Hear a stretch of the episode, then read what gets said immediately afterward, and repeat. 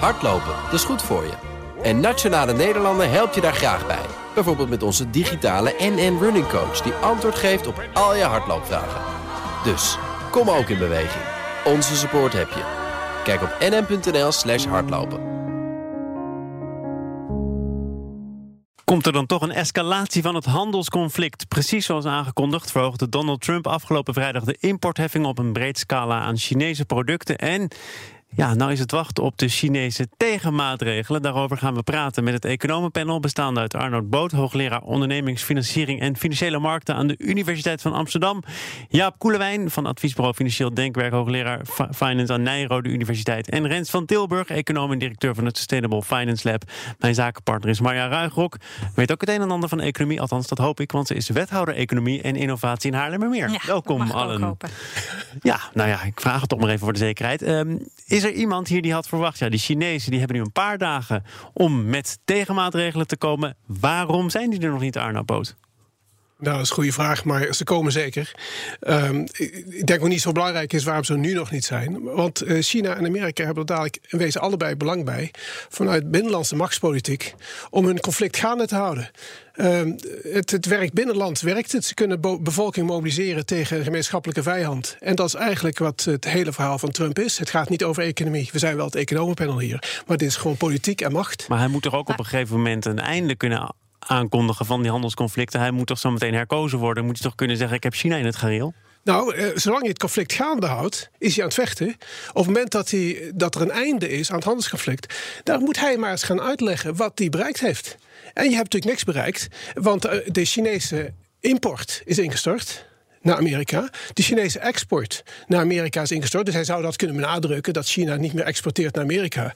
Maar ik denk niet dat de gemiddelde Amerikaan daar blij mee is. Die zou blij zijn als zijn baan daar ergens in, in het hartland van de Verenigde Staten nog bestaat. Maar, omdat China teruggedrongen is. En dat kan hij niet laten zien. Maar voorspellen jullie daarmee dat, dat hij tot aan de verkiezingen zal blijven strijden om gewoon de strijd gaande te houden?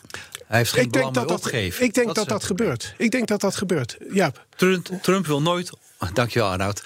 Trump wil niet opgeven en heeft inderdaad alle belang bij om voortdurend maar uh, spannende, onverwachte en wilde dingen te doen. We moeten wel meegeven, kijk, hij heeft nu weer maatregelen aangekondigd. De spullen waar het om gaat, die zitten nu in containers, zijn onderweg. Dus we hebben nog een paar weken de tijd om her en der wat te settelen. Nou, het ritueel tot nu toe was screeuwen, dreigen, iets doen... en dan uh, toch bij elkaar komen en een soort pact sluiten dat het allemaal weer eventjes uh, voorbij was. Dat zijn een soort scènes uit een huwelijk, maar dan wel een heel slecht huwelijk. en ik denk dus dat Trump. Uh, die hele handelsoorlog is, is natuurlijk vanuit een economisch perspectief een hele domme oorlog. Want vrijhandel is in belang van alle partijen. Waar niet dat de Chinese herden natuurlijk wel dingen doen met intellectuele eigendommen en prijsdumping. En dat Trump zich daartegen verzet, is begrijpelijk.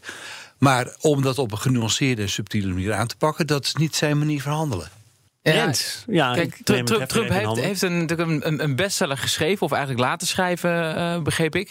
Uh, die heet The Art of the Deal. en dat is wel een beetje waar hij zich op voor laat staan. van ik kan een deal maken. Dat heeft hij ook gezegd. Van de, alle presidenten voor mij waren zwak en die hebben de Chinezen niet goed aangepakt. Ik ga dat wel doen. Dus ik denk dat er hem toch wel veel aangelegen is om wel met zo'n deal te gaan komen. Ook al was het maar omdat uh, die, een, een, slepende oorlog, handelsoorlog, de economie geen goed doet. dus en ook, het is ook voor de koersen. Maar, maar en, daarmee is het slecht voor de koersen. Maar het is ook slecht, hè, want uh, wat de Chinezen in ieder geval hebben gedaan aan terugvechten... Uh, uh, um, is de sojaboeren in Amerika raken. Want daar zitten juist stemmers van Trump. Nou, die zijn op dit moment best heel zagrijnig over deze ja, schermutselingen die op dit moment allemaal Overigens zie je in allerlei populariteitspolls... die in Amerika ook gewoon dagelijks worden gepubliceerd... dat de populariteit van Trump daar nog niet echt onder leidt. Nee, die leidt er nog niet echt onder. De pijn is ook nog niet heel erg groot. Maar het helpt natuurlijk niet dat op dit moment die, die handel uh, ja, uh, in, in, in, in, in zijn ja. achteruit gaat. Kijk, het ja, kijk, het probleem is. Kijk, op het moment dat het over een uh, wapenakkoord gaat. Dan kun je concreet zeggen wat het akkoord is. Dan kun je ook mensen sturen die het in de gaten houden. Dus dan kun je suggereren, in ieder geval op een toch redigszins gedocumenteerde manier, dat je een akkoord gesloten hebt, waardoor je wederzijdse bewapening in de hand houdt. Maar met een handelsakkoord met China wat, wat ga je communiceren? Hoe zou dat akkoord eruit zien? Probeer te denken hoe, hoe Trump naar de Amerikaanse bevolking kan gaan zeggen dat hij een mooi deal gesloten heeft. Dan moet hij iets kunnen laten zien dat we drie keer zoveel aardappelen gaan exporteren naar China. En dan banen hij, opleveren waarschijnlijk. Banen kun je, banen, ja, banen, kijk, banen kun je niet laten zien, want je hebt het over macro-economie. Hm. Je weet nooit waar een baan terechtkomt en waar geen baan terechtkomt. En Amerika zit in de hoogste hoogconjunctuur die mogelijk is. Dus de hoogste hoogconjunctuur die mogelijk is, die gaat niet nog meer banen scheppen. Dat moet je ook niet gaan doen, want er is geen werkloosheid meer in de Verenigde Staten. Ja, ik denk dat Trump voelt zich nu gesteund door goede loonontwikkeling, goede baanontwikkeling in Amerika. En het bizarre van het Amerikaanse electoraat is hoe extremer de president zich opstelt en hoe dommer zijn maatregelen lijken te zijn. Ze gaan juist dat op hem stemmen, lijkt het wel. En dan zijn we bijna bij Italië. Nee, nee, nee. En als je kijkt naar gewoon uh, Amerikanen die uh, te maken hebben met een kapotte wasmachine, ja. die betalen er nu 10% of 12% meer voor. Ja dat kan toch niet zo blijven duren dan? Dus ik, ik, ik, denk ook dat dit uiteindelijk Trump echt niet uh, punten oplevert wat er, nu, uh, wat er nu gaande is. Dus ik, ik, denk daarom dat hij wel degelijk met iets thuis moet komen. Uh, en het is waar wat Arnold Boot zegt, eh, dat Amerika op, op, dit moment al heel erg goed doet. Dat, dat weerhoudt Trump er overigens niet van om de, de president van de Amerikaanse centrale bank per Twitter te commanderen dat de rente nog verder omlaag moet. Ehm, en ik, ik, ik, kijk, volgend jaar zijn die verkiezingen. Uh, waar het natuurlijk Trump vooral om gaat, is dat die, die, die goede economische cijfers die we nu nog zien in Amerika, dat die volgend jaar er nog steeds zijn. Um, en, en, en daarbij kan een deal met, uh, met China ook uh, behulpzaam zijn. Hè? Dus ik denk op het moment dat hij die deal kan aankondigen, dan zal je zeker weer een reactie ook zien in de beurskoersen. Nou, dan zal want, die... wie betaalt dit? Hè? Trump heeft volgens mij getweet, die tarieven gaan omhoog en China betaalt de rekening. Terwijl er heel veel andere mensen zeggen: nee, Amerika betaalt de rekening. Dat zie je ook aan die stijgende prijzen. Maar zou je op een bepaalde manier kunnen uitleggen dat China wel degelijk de rekening betaalt. Ja, dat, dat, dat vind ik dus het, het, bizarre van het, toen, toen, Trump hiermee begon. Um, want kijk, we kennen Trump ook als iemand die zijn hele leven lang schulden heeft gemaakt. Uh, heeft hij nooit problemen mee gehad. En, dat heeft zijn, zijn, land doet dat eigenlijk ook al uh, decennia. En, en wat dat betekent, hè, want de, Amerika heeft al heel erg lang een groeiend tekort op de, uh, de lopende rekening. En wat dat betekent is dat eigenlijk vanuit de hele wereld, te beginnen met China, worden er gewoon schepen vol met spullen gestuurd. Um, en dan krijgen ze ja, dollars voor terug. Die die ze niet in Amerika kunnen uitgeven. Dus dat, er is niks mooiers dan dat voor Amerika. Die krijgen al jaren en jaren krijgen ze uh, uh, voor tientallen miljarden aan goederen vanuit de rest van de wereld. En het is notabene Trump geweest die nu heeft gezegd dat is een probleem. En daar ga ik er iets aan, aan, aan doen. Terwijl ik dacht dat is juist het mooiste wat de Amerikanen hebben. Dat is waar. Eén ding nog. Uh, Amerika, Amerikanen hebben de reservevaluta. Dus kunnen ongestraft dollars uitgeven zonder dat ze gecorrigeerd worden door de markten. Dat of dat betalingsbalanstekort van Amerika moet je natuurlijk wel relativeren. Want er zijn heel veel kapitaalimporten tegenover vanuit het buitenland. Dividenden, winsten van de grote Amerikaanse bedrijven. En dan valt het weer heel erg mee, dat Amerikaanse tekort. Dus je kunt niet zeggen dat de Amerikanen nu op het randje van een uh, zitten of zo. Dat is echt niet zo. En zolang de wereld de dollars maar wil accepteren zullen de Amerikanen kunnen doorgaan met het beleid wat ze nu voeren. In ruil voor politieagent van de wereld zijn, hebben zij een barrekening bij de rest van de wereldeconomie. Ja, kijk, Jaap heeft uh, trouwens ook eens, uh, het is natuurlijk helemaal juist. Uh, Amerika heeft een, vooralsnog een ijzersterke positie. En zolang die dollar het algemeen geaccepteerde reservevaluta in de wereld is, dan blijft dat zo. Maar dit is nu ook precies de reden waarom die machtspolitiek eigenlijk gevoerd wordt. Want deze positie van Amerika is natuurlijk niet permanent. Amerika realiseert zich, Trump realiseert zich, even om vanuit zijn gedachten te, te spreken, realiseert zich dat de Amerikaanse machtspositie met de opkomst van Azië, dus landen zoals China, waar straks gewoon tien keer meer mensen wonen. 2030, hè, dat zou het keerpunt kunnen zijn wat betreft wie is nou de grootste dus, economie dus ter wereld. Dus het, er gaat de machtsverschuiving in de wereld plaatsvinden, want uiteindelijk waar het geld verdiend wordt, is de macht. En als China veel meer geld verdient door veel meer mensen, niet omdat per persoon ze rijker zijn, dat gaat de komende 150 jaar niet gebeuren, de komende 150 jaar zelfs. Maar Amerika, eh, China heeft. Er zijn er gewoon meer van. Er zijn er gewoon veel meer van. En dan gaat er economische macht die gaat naar China. Denk ook aan India, die geweldig aan het opkomen is. En dus er is een machtsverschuiving in de wereld. En Amerika is buitengewoon gevoelig, het binnenland, dat er macht elders in de wereld ligt die potentieel ten koste van de Verenigde Staten gebruikt zou worden. En dat verhaal gaat erin als koek. Wat ik me nog afvroeg is, we hebben het nu vooral over uh, Amerika gehad. Ondertussen hebben we natuurlijk ook vooral ook te maken met de Chinese economie. We weten dat er een enorm stimuleringsprogramma is om die Chinese economie draaiende te houden. Welke economie staat er op dit moment nou beter voor, Rens? Eh, nou ja, als je naar de cijfers kijkt, dan staat Amerika er natuurlijk veel beter voor dan, dan China. Nou ja, omdat China altijd kan zeggen: ja, maar we groeien met 6,4 procent. ja, maar heel weinig van, een, van een heel laag niveau. Dus, in, in, in, in, in China hebben ze, dus eigenlijk zijn ze daar begonnen na 2008 met een enorme schuldopbouw. daar zijn ze net een paar jaar geleden probeerden ze daar wat van, van terug te komen. Dat zijn ze nu mede door deze handelsoorlog zijn ze dat toch weer wat meer gaan, gaan doen. Hè. Dus, dus, en dat is een heel wankel, eigenlijk een hele wankele manier om je economie te laten groeien. dus, dus, dus van, om die reden denk ik dat China er ook echt wel veel aan gelegen is om dit uh, conflict te beëindigen. Uh, maar tegelijkertijd, want we hebben het steeds over de politiek van Amerika gehad, maar er is natuurlijk ook een politiek van China. Uh, en daar zit ook een, een, een partijleider die, die het ook niet kan maken. Maar die zit er al wel gewoon heel lang en die zal er ook nog wel even blijven zitten. Die heeft niet zoveel problemen met verkiezingen winnen, bijvoorbeeld nou, volgend jaar. Ja, nou, nee, nee, nee, niet helemaal. Dat die zwak zou lijken, hè, dat hij nu al te veel zou ingeven aan, aan, aan, aan Trump, dan, dan, dan gaat dat ook zijn machtsbasis uh, weer uh, eroderen. Dat is in ieder geval wat ik in de analyses daarvan lees. En dat wordt, is ook precies de analyse waarom het zo'n gevaarlijk conflict is. Omdat je eigenlijk twee sterke mannen tegenover elkaar hebt zitten... die naar hun achterban het allebei niet kunnen maken om, om, om in te binden. Laatste, ik zou willen zeggen, mannen met grote ego's... en ook een keizer of een president van China... die zichzelf voor het leven heeft benoemd... als het volk niet te eten krijgt, is het met hem gedaan. Dus dan, dan gaat hij ook. Dat niet. Hij moet gewoon toch ook leveren. Hij moet, hij moet ook leveren en anders verliest hij ook zijn machtsbasis. We gaan uh, praten over Italië. Laten we maar eens beginnen bij het feit dat er uh, nieuws was over het begrotingstekort. Want dat gaat volgens de Europese Commissie toch nog weer hoger uitvallen dan verwacht. Althans, ja. dan de Europese Commissie had verwacht. Had jij dat verwacht? Ja, ik denk dat er weinig mensen verrast door zijn. Uh, de economische groei in Italië ligt rond nul. Uh, Europa doet ook niet geweldig, maar het ligt in ieder geval wel boven de 1%. Maar als je een economische groei hebt van nul, dan zou je kunnen besluiten dat je ook minder gaat uitgeven. Nee, maar klopt. Maar het betekent dus dat de economische groei volgens elke prognose van Italië onder de verwachting zit. En als je onder de verwachting zit, dan gaat je tekort oplopen ja. ten opzichte van wat je verwachtte. En dat gebeurt. Dus de vraag is, uh, en, en, dat is natuurlijk het grote vraagstuk eigenlijk in, in Europa als geheel.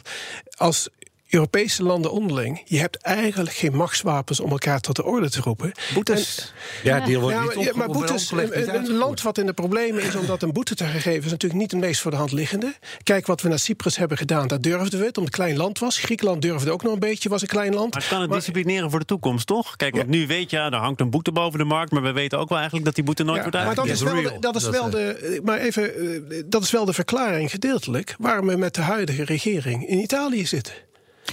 En sturen op bezuinigingen, dan uh, is dat nog een, een, middel? Want er moet, zal bezuinigd moeten worden. Dus ja, waar moet ik dan aan denken? Europa ja, nee, je, hebt, je hebt helemaal gelijk. Je moet die uh, in, in, een land waar, uh, in een land waar je de overheid niet in de hand hebt. En waar je dus ook de, hele, de kwaliteit van de bestedingen niet in de hand hebt. Hè, dus niet eens alleen dat je niet in de hand hebt. Waar het geld naartoe vloeit, heb je niet in de hand. Dan kun je, dan kun je moeilijk gaan zeggen dat de overheid een stimulerend beleid moet gaan voeren. Want het geld komt bij de verkeerde mensen terecht. Je hebt maar Italië is in Europa één op één te zeggen waar het geld terecht komt. Dat is toch gewoon ook aan landen zelf? Uh, maar ik kan, je, kan je garanderen dat, uh, dat Nederland, uh, het geldt ook voor Duitsland. Duitsland moet natuurlijk wel een stimulerend beleid voeren. Kijk naar de infrastructuur in Duitsland. Nederland en Duitsland die hebben een bepaalde discipline, een bepaalde afwezigheid van corruptie in het landbestuur. Waardoor je met redelijk vertrouwen naar de overheidsuitgaven kunt kijken. Maar dat kun je in Italië niet doen. Maar Italië heeft nog allerlei inherente problemen. Dat hele bankaire systeem in Italië, wat leek redelijk goed door de crisis te komen. Maar het kwam alleen maar goed door de crisis omdat alle problemen verborgen waren. Dus het is, in een land zoals dat is het heel moeilijk om problemen op te lossen. We hebben Italië relatief hard aangepakt de vorige keer. En toen zijn we opgezadeld met de huidige leiders. Dus hoe harder we ze aanpakken, hoe extremer het bewind wordt. En als we ze aanpakken, dan pas na de Europese verkiezingen natuurlijk, hè? Nou, kijk, wat Arnoud zegt, dat aanpakken... dat is natuurlijk ook een beetje de Duitse-Nederlandse machtstaal. Van, ze moeten straf krijgen, de Duitsers of de Italianen... want ze houden zich niet aan de regels. Wat ook wel waar is, maar dan is ook wat iemand zoals Krugman zegt... is het dan de meest geëigende oplossing om dan in Noord-Europa heel hard te bezuinigen... en dan te eisen van Zuid-Europa dat ze nog harder gaan bezuinigen. De austerity in Zuid-Europa. Nou, je ziet dat in Spanje heeft men wel die offers gebracht. Portugal ook, Ierland. Die hebben wel uh, de buikriem aangetrokken. Zijn wel, de broekriem aangetrokken. Zijn wel enorm gaan bezuinigen. Maar uiteindelijk is dat voor de lokale bevolking heel slecht. En wat is slecht? Over dat hele harde bezuinigen. En wat natuurlijk uiteindelijk iedereen weet, staat, Italië heeft een staatsschuld van 130% van het nationale inkomen. Kan de rente net nog uit zijn lopende inkomsten betalen, maar geen cent aan aflossing. Dus Italië stevigt af op een crash op de wat langere termijn. En we zullen een oplossing moeten zoeken voor die 130% staatsschuld in Italië. Dat kan Italië niet zelf. Dat moet dus gedaan worden door Noord-Europa, Noord- en Zuid-Europa gezamenlijk. Moeten Frankrijk ook nog eventjes meenemen in dat, uh, dat probleem. Wat wij niet hebben gedaan met de eurozone, met de euro, is we hadden gezamenlijke munt, we hadden gezamenlijk monetair beleid, maar geen budgetair beleid. Nee. Nou, heel veel economen. niet iedere lidstaat daar even enthousiast over. Nee, dat kan ik me voorstellen, want dan gaan er mensen vervelende dingen tegen je zeggen en het ook opleggen. Ja. Kijk, Italië kan er nog steeds breedlachend de Europese Commissie horen. Zegt, nou, we horen wat u zegt. Ondertussen gaan ze door. Maar als er een centrale autoriteit is die zegt: jij mag, jij krijgt het geld gewoon niet, dan heb je een probleem. En dat zou eigenlijk moeten gaan gebeuren. En voor het overige... Is dat zo, Rens? Zou dat eigenlijk moeten gaan gebeuren? Ja, ik, ik, kijk, ik denk dat we hier ook al heel vaak... Uh, hè, dus dat, dat hoor ik je ook eigenlijk bij de heren doen... is van je hebt een wortel en een stok nodig. Hè, dus je, aan de ene kant, ja, Italië moet echt een heleboel dingen gaan hervormen. Ik heb vanochtend nog even gekeken naar een aantal uh, rijtjes... waar Italië in staat. En het, daar word je echt heel erg mismoedig van. Hè, of het nou gaat over de corruptie die genoemd is... maar ook over de schooluitval. Uh, nou, eigenlijk bijna alles wat je kan verzinnen. Italië staat helemaal onderaan. Dus daar moet er in het land echt wel wat gaan gebeuren. Aan de andere kant, Italië is ook het land waar inderdaad het inkomen al het langste stilstaat. Uh, waar, waar, waar, waar wel degelijk, uh, en dat is interessant, uh, de Italiaanse overheid heeft eigenlijk zijn, zijn, zijn, zijn, zijn financiën aardig op orde gehad de hele tijd. Hè. Het is met name ook omdat ze zo'n hoge schuld hebben waar ze zoveel rente over betalen. En die betalen 3,5% per jaar aan, aan, aan, aan rente. Dat is, nou, in, in Nederland is dat, als je dat vergelijkt, dus ongeveer 20 miljard per jaar wat je dan alleen al aan renteinkomsten betaalt. Dus je moet van die schuld af. Dus de, daar, daar moet echt iets gebeuren. Hè, en, en, en, en, en, en wat we dus verzuimd hebben de afgelopen jaren... is om tegen Italië te zeggen van... joh, als jullie nou dat doen, dan krijg je er ook iets voor terug. Um, en ik denk dat dat, dat ja, toch echt een keertje uit Europa zou moeten komen. Maar ja, als we dan luisteren naar onze maar wat moet er dan uit Europa? Moet er dan, moet er dan geld vanuit Europa naar Italië komen... om, om van die schuld af te geraken? Nou ja, wat, wat, je, wat je ook zou kunnen denken... Hè, dat, dus ik, ik denk dat dat uiteindelijk onontkoombaar is. Dat we inderdaad daar ook uh, wat van zullen, zullen moeten doen. Maar het begint met überhaupt een beetje die teugels te laten vieren... van wat Italië zelf mag doen. Dus ik heb, uh, als, je, als je Portugal werd net, uh, net genoemd. Wat waar is, Portugal heeft, net als overigens ook Italië, voordat de, de, de, populisten daar aan de macht kwamen, is er ook in Italië best wel veel gebeurd. rondom pensioenen. Dus, dus, dus weer die overheidsfinanciën zijn best wel flink verbeterd. Um, alleen, ja, ze, zijn daar niet vervolgens gaan investeren. En dat heeft Portugal op een gegeven moment wel gedaan. Er kwam een linkse regering in, in Portugal in 2015. Nou, die zei van joh, uh, we gaan ons even niks aantrekken van de Europese regels. We gaan juist extra veel geld uitgeven. Lonen gaan omhoog, pensioenen gaan omhoog. Toen stond heel Brussel stond op zijn achterste benen.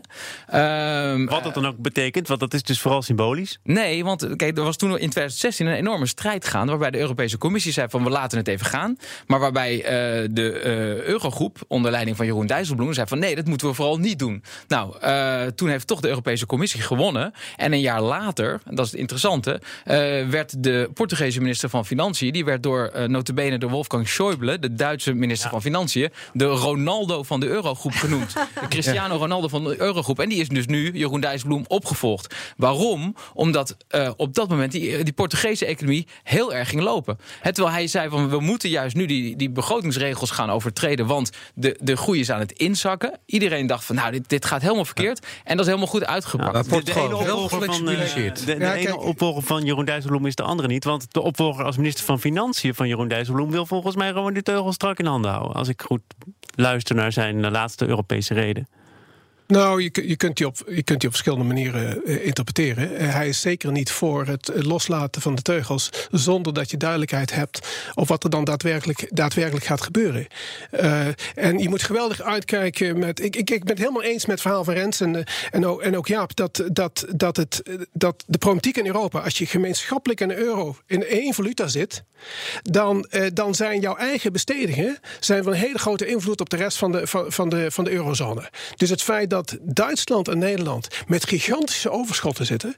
Eh, ons overschot op de lopende rekening is, is 9,9 procent. Uh, Duitsland trouwens 6,6. De enige reden waar.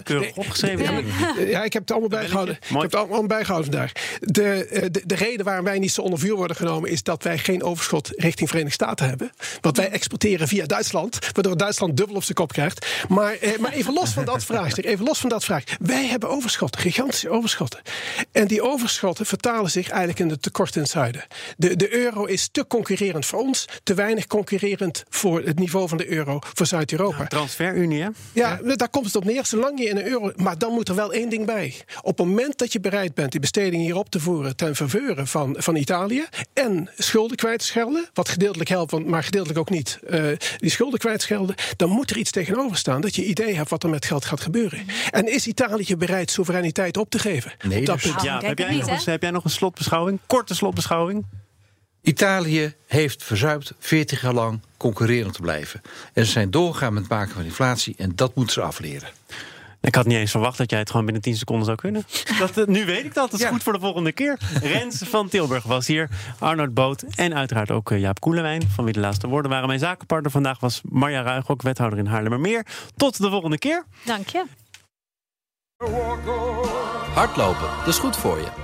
En Nationale Nederlanden helpt je daar graag bij. Bijvoorbeeld met onze digitale NN Running Coach... die antwoord geeft op al je hardloopvragen. Dus, kom ook in beweging. Onze support heb je. Kijk op nm.nl slash hardlopen.